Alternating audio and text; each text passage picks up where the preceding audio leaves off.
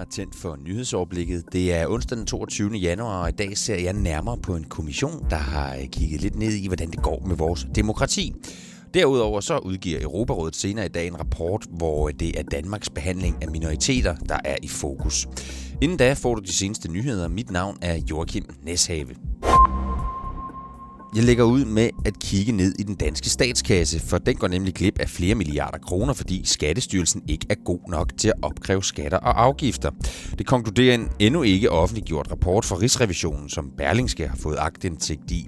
I rapporten står der, at der i flere tilfælde ikke er sendt rykker ud til alle dem, der mangler at betale, og samtidig viser den, at Skattestyrelsen på flere områder ikke lever op til gældende lovgivning. Professor på Institut for Økonomi og Ledelse ved Aalborg Universitet, Per Nikolaj Buk, kalder over for avisen rapporten lang og deprimerende. Nyvalgte politikere herhjemme oplever digital chikane. Det viser en rundspørg, som Ritzau har foretaget blandt dem, der er valgt ind i politik efter seneste folketingsvalg sidste år. I rundspørgen har 17 af de 64 nyvalgte politikere ved det seneste folketingsvalg svaret. 11 af dem har oplevet digital chikane og tre deciderede trusler, og Thomas Plov, der er professor i IT-etik på Aalborg Universitet, peger på, at det kan skræmme politikerne væk. Det kan jo betyde, at politikere går ud af politik, og det betyder, at man måske taber folk med en vigtig og værdifuld erfaring og viden. I USA gik rigsretssagen mod præsident Donald Trump for alvor i gang i går, og fra start har senatet allerede afvist flere forslag fra demokraterne om at kræve dokumenter og beviser fremlagt. Blandt andet udlevering af e-mails og andre dokumenter i sagen fra det Hvide Hus har senatet stemt imod. Samtidig er det blevet afvist, at budgetdirektøren i det Hvide Hus, fungerende stabschef Mick Mulvaney, kan vidne i retssagen mod Trump. Endnu en gang har Karoline Wozniacki vist, at der er grund til at frygte en tennismatch mod hende. I nat dansk tid mødte hun nemlig ukraineren Diana Jastremska i anden runde af Australian Open. Og her klokken 5 til morgen, ja, der vandt danskeren så. Det var dog ikke helt lige til. Der blev nemlig spillet lige op, og øh, efter fem missede matchbolde af Wozniacki fik hun til sidst hentet sejren hjem. Resultatet, hun går videre til tredje runde med i sin karrieres sidste turnering, er 7-5. 7-5. Selvom streaming kan være en af de store syndere, når det kommer til klimabelastning, så har tjenesten Netflix i de sidste måneder af 2019 fået flere kunder. Intet mindre end 9 millioner har købt sig et abonnement for nylig. Det er sket samtidig med, at den tredje sæson af den roste serie The Crown blev tilgængelig, ligesom Netflix-filmene Marriage Story og The Irishman er nomineret til blandt andet den fornemme filmpris Oscar. Og så kigger jeg lidt op ad dagen, for når klokken den slår 13, så bliver vi formentlig klogere på, hvordan vores lands demokrati egentlig går og har det. Der lancerer Dansk Ungdoms Fællesråd sin kommissionsarbejde med at grænske og undersøge demokratiet herhjemme.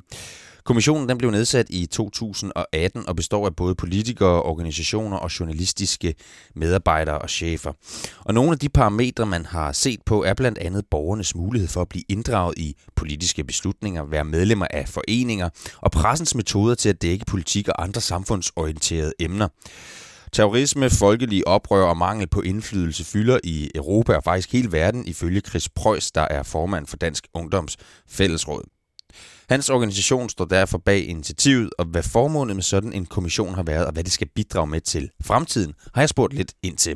Vores demokrati er langt fra givet. Det kræver, at vi øh, udvikler og udfordrer det konstant, for at se, om det passer ind i den kontekst, øh, vi lever i i dag.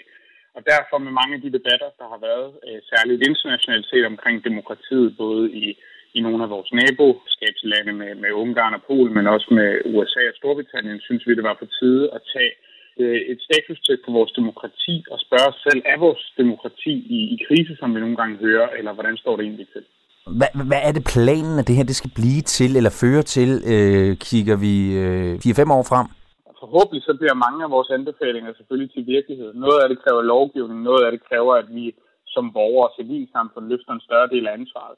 Men i første omgang så handler det om at sætte vores demokrati til debat. Er folk enige i den anskuelse, vi har i, er de enige i vores svar på, om demokratiet er i krise? Og når vi så har drøftet vores analyse, som er mindst lige så vigtig som, som de handlinger, øh, vi anbefaler, så er det, at vi håber, der kommer en større debat omkring vores tilstand i vores demokrati, og hvordan vi udvikler og styrker demokratiet hver dag. Sagde altså formand for Dansk Ungdomsfællesråd, Chris Preuss. Det er også i dag, at Verdenssundhedsorganisationen WHO har indkaldt til hastemøde. Det sker på grund af udbruddet af det coronavirus i det centrale Kina, der indtil nu har kostet ni personer livet og smittet over flere hundrede. På mødet skal det diskuteres, om der er tale om en international sundhedskrise. Og bliver det konklusionen, skal et større internationalt samarbejde med finansiering og lægehjælp sættes i gang.